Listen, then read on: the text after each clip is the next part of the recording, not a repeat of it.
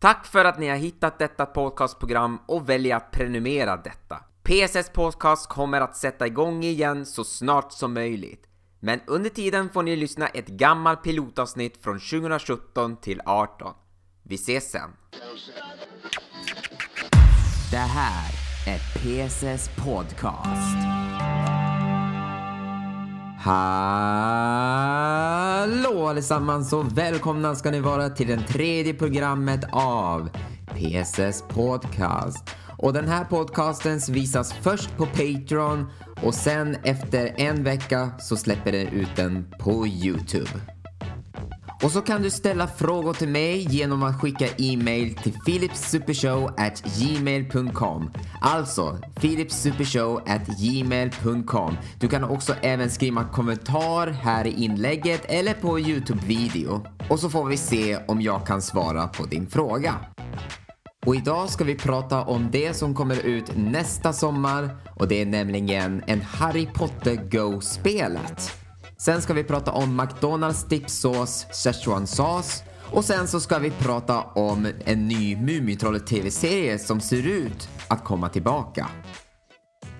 Men först så ska vi prata om en crowdfunding-kampanjen i Kickstarter och en av dem är ju nämligen Luna Display. Och Luna Display är ju skapat av Astropad och Astropad är ju en eh, app som är till iPad som gör så att självaste iPad förvandlas till en ritplatta till datorn. Och jag har ju den här appen när jag brukar använda när jag gör animationer. Jag skulle inte säga att det är det bästa, men det här är faktiskt det billigaste sättet att ha en ritplattan kopplad till datorn. Men just nu så har de en ny produkt som heter ju Luna Display. Och eh, vad är det för något? Vad är det som skiljer mellan Astropad och Luna Display? Jo, Astropad delar ju skärmen från datorn så att du kan nämligen rita direkt upp som det visas från dataskärmen. Men Luna Display används som en andra skärm till datorn. Och därför så gjorde de en crowdfunding för att göra en liten sticka som du kopplar in till datorn. Och den gör för att den ska försöka lura datorn att det är en andra skärm som kopplas in. Eftersom att alla datorer inte har något tekniskt sätt som gör så att den kan streama den direkt till iPad som andra skärm. Och den stickan kommer att nämligen släppa ut i två modeller. Det ena är faktiskt en USB-C-sticka och den andra är ett mini-displayport. Men sen ska vi fundera på, kommer det att fungera på en stationär dator? Nja, det tror jag inte.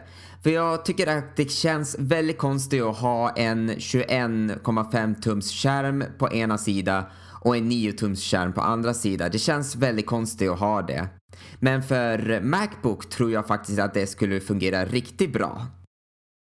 Men sen kommer också fråga om det kommer att dyka upp en Luna Display-appen både till iPad och eh, Mac-datorn. Och det skulle man ju kunna behöva för att eh, allting ska fungera.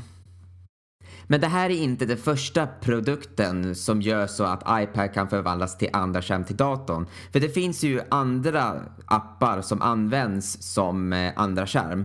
Och jag har en hel lista där vi ska jämföra med hur alla appar fungerar till skillnad av vad Luna Display används. Så om vi tittar på vad som skiljer sig mellan en riktig monitor och Luna Display eh, och då ser jag att eh, båda är ju Mac-kompatibel eh, förutom att den är inte PC-kompatibel Luna Display utan det kan ju en riktig monitor göra. Eh, men det här är också en sak som är bra mellan monitor och Luna Display är att med Luna Display så är den nämligen bärbar och trådlös. Och det kan man ju inte ha i en riktig monitor. Och så ser jag att den har högkvalitetsbild och det sägs att Luna Display stödjer Retina-skärm medan en monitor då måste du ha en 4K-skärm för att det ska se riktigt bra ut. Så det är vad som är skillnaden. Och nu ska vi titta på vad andra appar och de andra appar som jag ser på listan är Duett och Air Display. Och då ser man ju direkt att eh, båda är Mac-kompatibel. Eh, Duett är PC-kompatibel men inte Air Display. Och båda är ju förstås bärbart. Men duett så är den inte trådlös. Men det är Air Display. Och Retina-skärm, den har inte Air Display.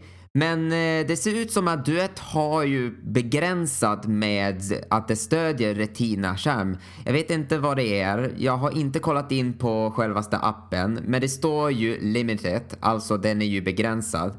Så den har något sätt begränsat Retina-skärm. Men det här är vad jag tror vad de andra appar inte har som Luna Display har. Det är att jag tror att de andra appar har inte den kraften att använda. Men det har ju den här Luna Display. För vad jag vet också så kan man ju använda Luna Display som en ritplatta. Så du kan alltså arbeta som till exempel Photoshop eller sådana här animationprogrammet nere i läsplattan medan du kanske har något helt annat på dataskärmen och det tycker jag det är mer avancerad. Så målet är att de ska samla ihop 30 000 dollar för att göra den här produkten. Och nu efter bara några månader så har de samlat ihop 645 000 dollar i Kickstarter. Och det betyder att Luna Display kommer att skapas. Och just nu på Kickstarter så kan man ju nämligen förbeställa den här produkten så att du nämligen kan också skaffa Luna Display. Men om det inte bara är andra skärm som är du ute efter utan du är nämligen ute efter att använda ritplatta till datorn så kan jag rekommendera Astropad eller Astropad Studio. Och jag har en sak som jag skulle vilja prata om Astropad Studio. För jag vet att eh, Astropad Studio är en prenumerationsapp eh, så att eh, du betalar varje månad eller varje år för att använda den. Och så har du mera proffsiga funktioner för att kunna använda när du ska rita eller photoshoppa. Men en funktion som de inte har släppt ut än till Astropad Studio som håller, de håller på att jobba på, det är den här streckstabiliseringen. Och eh, den här streckstabiliseringen, den gör så att eh, i den vanliga så brukar den göras som en trappa när du ska göra en streck när du ritar på självaste paddan. Eh, och det tycker jag är en, en liten nackdel när man ska sitta och rita. Det blir som en krumeluren. Men när de släpper ut stabiliseringen så försvinner ju den här störningar som gör så att det blir trappan. Då blir ju själva strecken mer mjukare att rita. Och det fungerar bara på Astropad Studio. Och det är ju en liten nackdel för att om jag ska ha Astropad Studio då måste jag ha en iPad Pro och en Apple Pencil. För en vanlig iPad fungerar ju inte och så fungerar ju inte de här andra iPad-pennor som den här Wacom Bamboo Fineline som jag har. Nu byter vi ämnen och nu ska vi prata om en stor nyhet som kommer till alla mobiltelefon och det är nämligen en Harry Potter Go-spelet. Detta har ju Niantic gått ut för några månader sedan efter att eh, när de gjort den populäraste mobilspelet Pokémon Go som blev virala sommaren 2016. Och det här kommer att bli jätteintressant hur de kommer att göra med Harry Potter för efter jag har ju använt Pokémon Go i någonstans på en och en halv år eh, så tycker jag att den sätter sig. Alltså det är ju nämligen det roligaste man har ju spelat och det fick också få mig att eh, gå ut ifrån hemmet och vara ute i promenaden och ja, fånga Pokémon och sånt. Det är alltid vid samma ställe som jag försöker ta över Eh, med mitt eh, lag. Och mitt lag är ju nämligen det röda laget som jag inte kan namnet på. Eh, ja, och jag tycker det är så roligt och det hjälper ju andra folk att gå ut från hemmet istället för att de behöver vara sitta inne hela tiden. Och den här Harry Potter Go-spelet kommer att släppa ut nästa år, alltså 2018 och vi vet ju inte datumen men jag kan ju gissa att det kan släppas ut eh, i sommar som de gjorde med Pokémon Go. Som kommer nämligen att rädda sommarlovet. Eh, och den har ju också fått ett namn och eh, namnet på spelet kommer att heta Harry Potter Wizard Unite. Och det är det enda vi fick veta. Allt annat kommer vi få veta lite senare hur det här spelet kommer att vara. Men jag kan gissa sådär att det kommer att vara likadan som eh, Pokémon Go och jag kan gissa hur det kommer att vara. Eh, vi vet att det kommer att vara så att du kommer att gå runt i verkligheten. Som till exempel till stan, till skogen eller på berget. Eh, ja, vi, vilket ställe som helst. Men jag tror att det kommer vara så att du kommer att välja ett lag och då kommer det vara fyra lag som är baserat på själva den här Hogwarts-klasserna. Eh, så att du kan välja antingen om du vill vara i Gryffindor, Hufflepuff, Ravenclaw eller Slytherin. Och då undrar jag så här, hur många kommer att vara Slytherin? Kanske många kommer att vara Gryffindor. Och då vet vi att det kommer att gå ut på att man ska ta över platsen, alltså de här stora platser som i Pokémon så har de ett gym. Eh, och då tror jag att de kommer att ha fanor som visar vem som har tagit över platsen, om det kan vara Gryffindor eller Slytherin. Och så samlar man poäng samtidigt när man tar över platserna. Och så tänker jag på om man kommer till ett ställe och så dyker det upp ett eh, varelse Eh, som i Pokémon så brukar det dyka upp ett Pokémon och då ska man ju fånga den. Så tror jag att i Harry Potter-spelet så kommer man få kunna besegra varelser. Och jag kan gissa att det kommer att vara så att eh, de kommer att använda gyroskop i telefonen som en trollstav när man gör en eh, trollkonsten och så besegrar man den här varelsen. Och samtidigt så tror jag också man kommer få kunna lära trollkonsten. Så om jag skulle göra som en kors så gör jag som en, en kors med mobilen. Eller om jag gör en cirkel så gör jag som en, en cirkel. Och så kan jag gissa att det kommer att ha en sån här hälsastatus. Alltså man ser hur många procent liv man har. Och då kanske man skulle kunna göra så att de här eh, Pokéstopp, som jag inte vet eh, vad som kommer att heta i Harry Potter, så kommer de ha en stopp där man får samla jellybeans och eh, chokladgrodor för att återhämta hälsan. Och det är enda vad jag tror.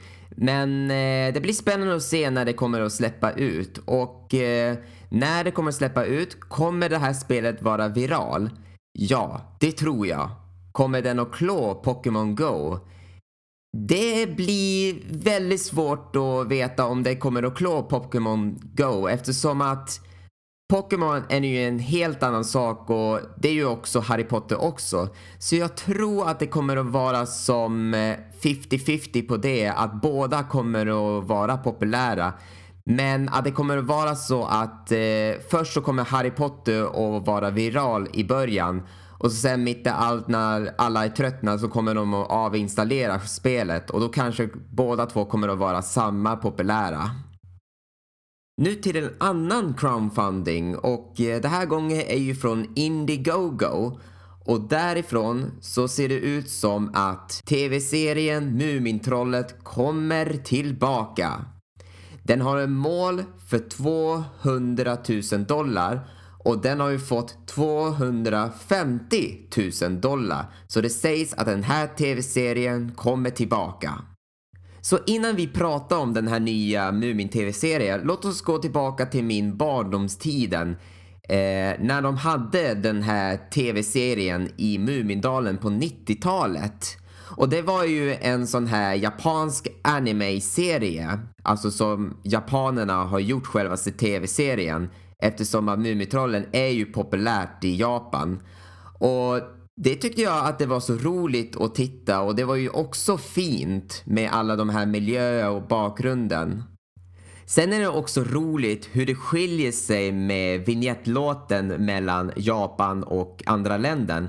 Och eh, tar vi den som är vanligast så har vi ju då vignettlåten skriven av Benny Tönnros och eh, jag vet att det ska vara anpassat för barn. Eh, men i Japan så är det helt annorlunda. För att i den japanska versionen så är det lite mer japansk och lugnare. Men i avsnitten när man hör musiken, då är det ju japansk. Så de har inte rört självaste ljudet i självaste serien när de importerar till andra länder. Som de brukar göra med de andra anime när de försöker censurera allt som hörs i tv-serien. Sen i slutet av 2000-talet så sände det någonting eh, lite annorlunda Mumintrollet i TV4 på morgonen när Lattjo Lajban fanns. Och det var en gammal Mumintroll-TV-serie som var gjord av en polsk produktion. Och det ser ut att den hade producerats 1977 till 1982 i Polen. Och sen började det sändas här uppe på Norden slutet av 2000-talet. Och det är en sån här eh, tyganimation där eh, de byggde upp eh, självaste Mumitrollen med tyg. Och så har de använt stop motion animation för att få liv på dem. Och det sägs att det här var så populärt så att år 2008 så tog Finland den här konceptet från Polen och gjorde filmer av det. Och den ena var ju Mumintrollens farliga midsommar. Och den andra så var det Mumintrollet och kometjakten. Och nu i år, i december, eftersom de firar 100 år i Finland, så släpper de ut en ny Muminfilm som heter Trollvinter i Mumindalen. Om jag skulle vara ärlig med det här konceptet så tycker jag inte om det. Jag vet att det här konceptet har ju funnits sedan 70-talen i Polen men jag förstår inte varför de tyckte det är så bra att de tog in den och gör vid den här tiden. För tittar man ju år 2014 av en fransk produktion som också har gjort den här Muminfilmen, Muminfamiljen på Rivieran, så är ju animationen riktigt bra. Jag har inte sett filmen, men jag kan säga efter jag har sett trailern så var den riktigt bra. Men nu kommer vi att prata om det här nya Mumin TV-serien. Och den som ligger bakom serien är Gutsy Media. Och eh, tittar man ju in på konceptbilder så ser det ut som att detta kommer att bli det finaste tv-serie som de har gjort för Mumintrollet. Sen blir det roligt att se hur de kommer att göra med Morran. Om de kommer att toppa med den japanska tv-serien. Och det sägs att eh, tv-serien kommer att visas år 2019 i Yle, så det kommer att ta en tag innan eh, det kommer att visas.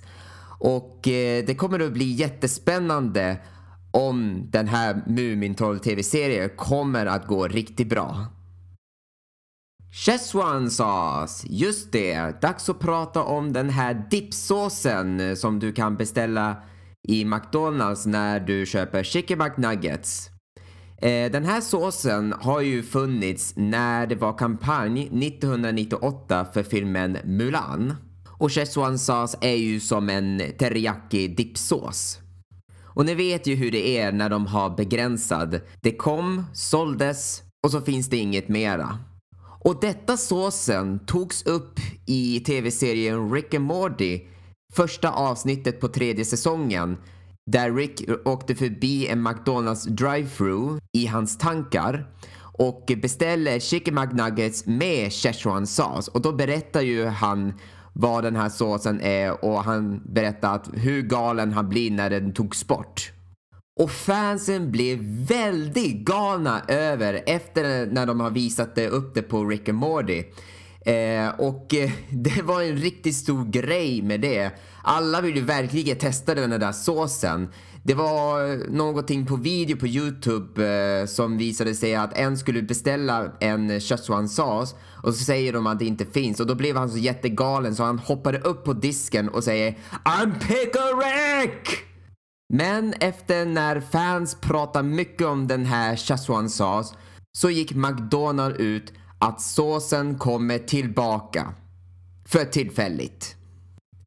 De hade ju begränsad med såsen och vad de gjorde är att de valde de utvalda McDonalds restauranger.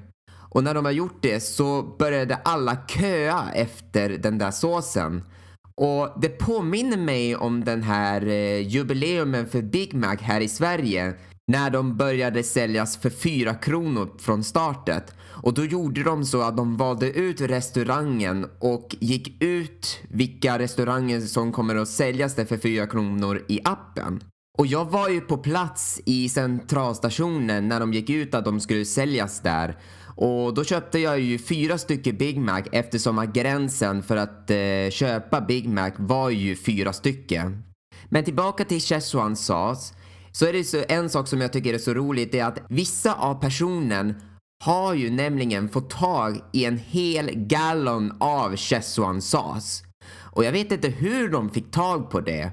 Om de sålde den på Ebay eller om de hade lite affärer med McDonalds-restaurangen. Ja, på något sätt fick de tag på det.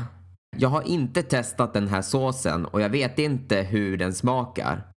Och jag vet inte ens om den hade kommit till Sverige.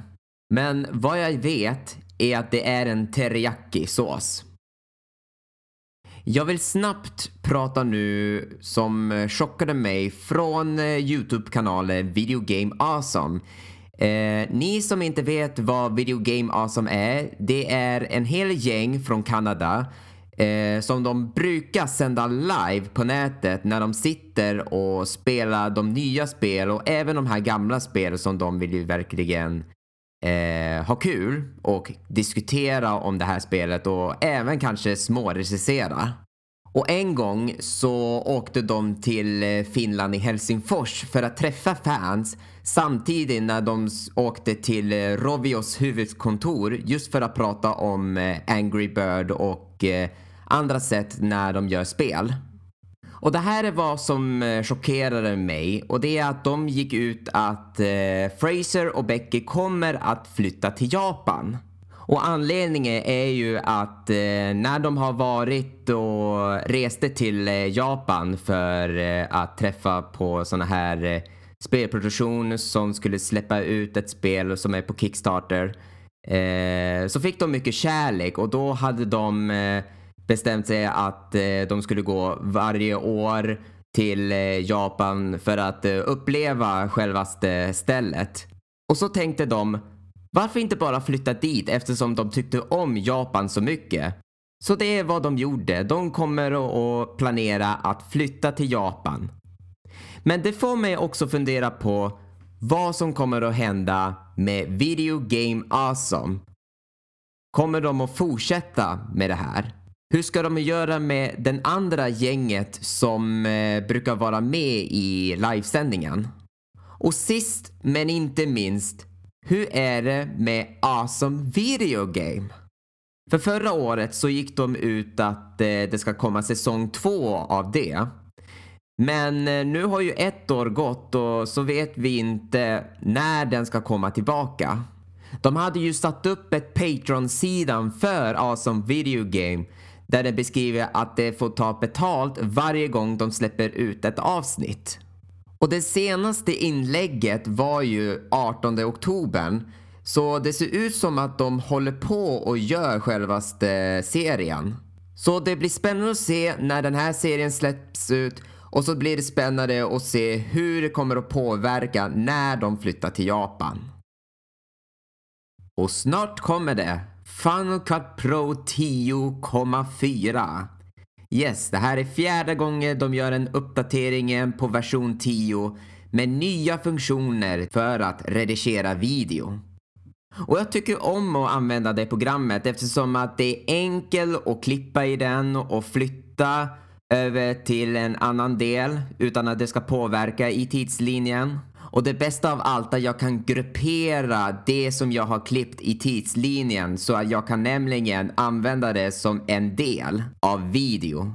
Men nu kommer de med en ny version och eh, då blir det spännande att se vad för nya funktioner de har lagt till i programmet. Och den första funktionen är att du kan nu nämligen klippa en 360-video. Yes!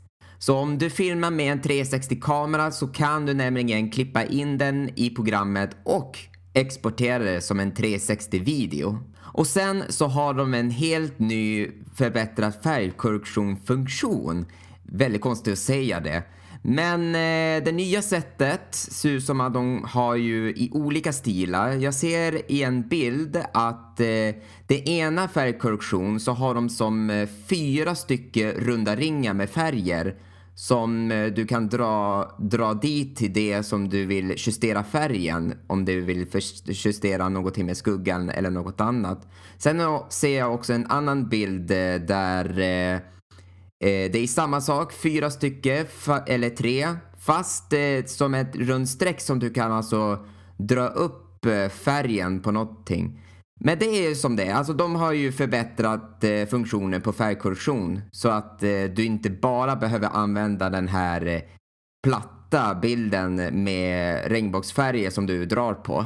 Sen har de också HDR-funktion, så nu blir det ju bättre när du sitter och klipper så kan du ju justera det till rätt färg och rätt ljus till bilden. Och så stödjer den också att exportera video i HEVC-format, eller som jag brukar kalla för HÖK. Och det är den som eh, formaten som brukar användas för att du ska kunna exportera till en 4K-video som ger bättre bild men mindre storlek på filen. Men bara om du kör i operativsystemet High Sierra.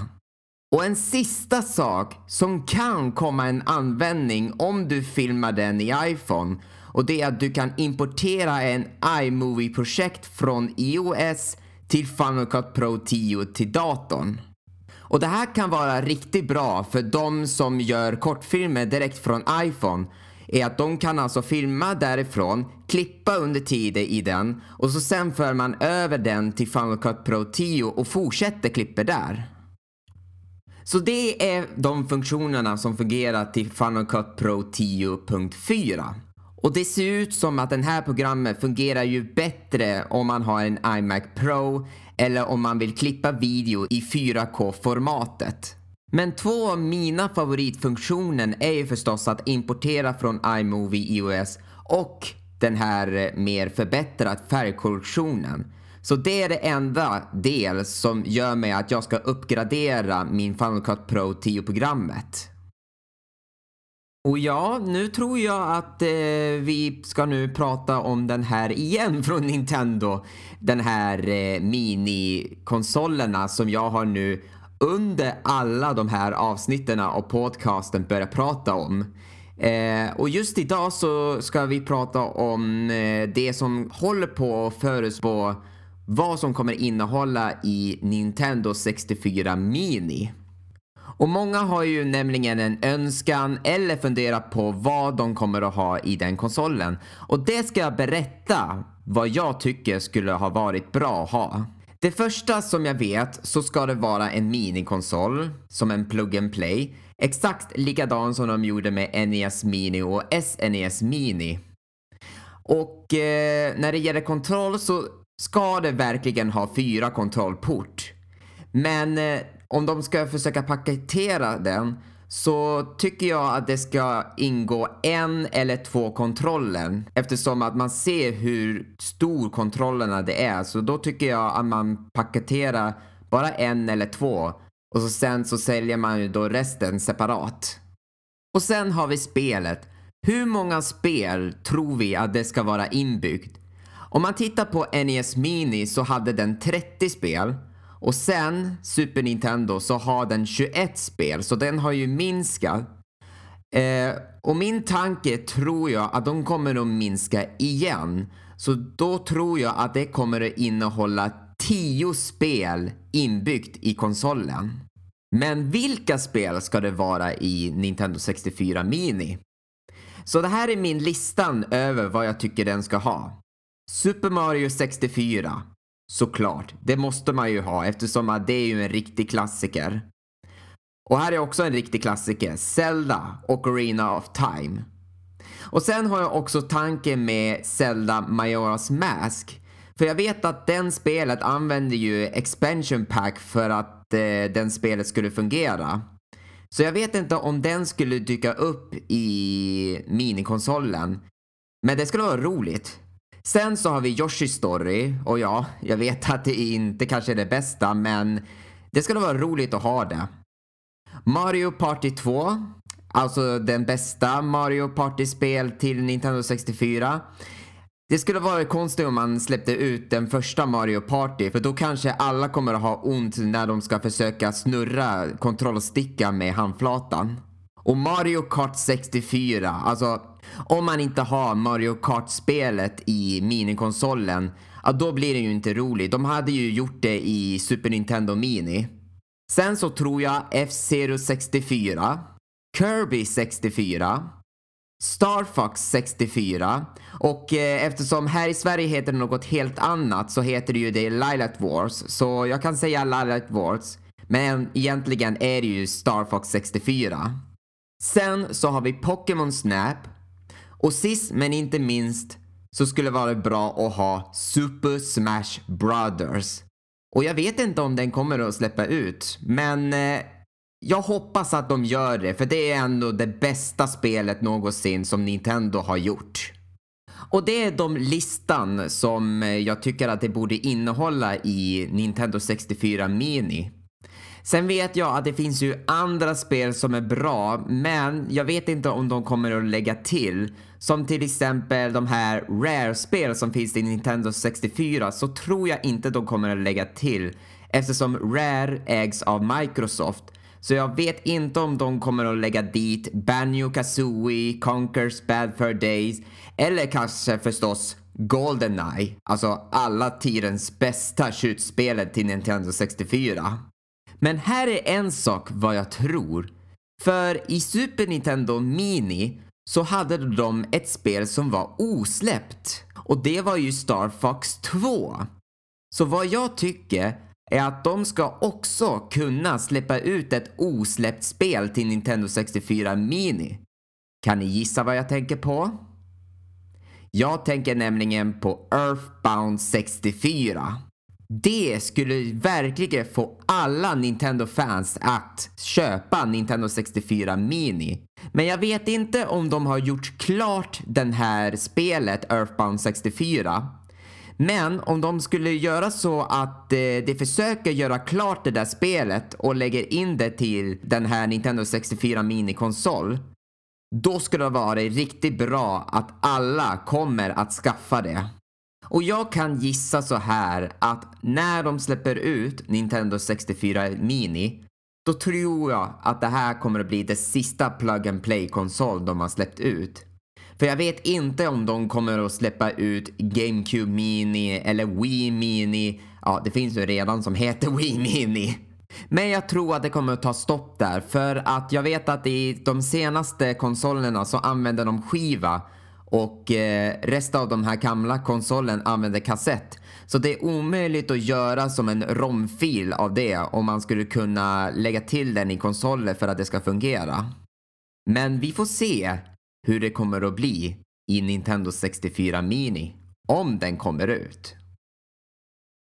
Ja, och det där var hela podcastprogrammet av PSS Podcast nummer 3.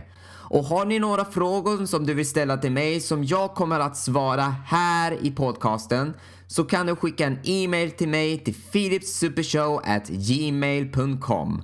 Alltså philipsupershow@gmail.com.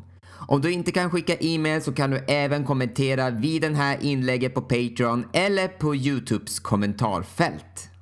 Sen får ni inte glömma bort att prenumerera på Philips Super Show i Youtube och jag kommer med en kommande livesändning den 17 december klockan 6 på eftermiddag där jag kommer att spela Super 3D Noahs Ark.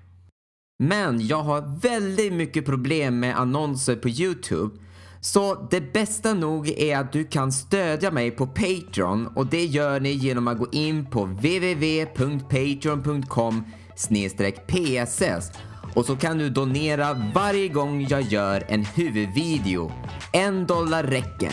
Men om du vill donera mera så kan du göra det och all info finns där. Ja, det var allt från oss från PSS Podcast och nästa gång kommer det att dyka upp i början av 2018.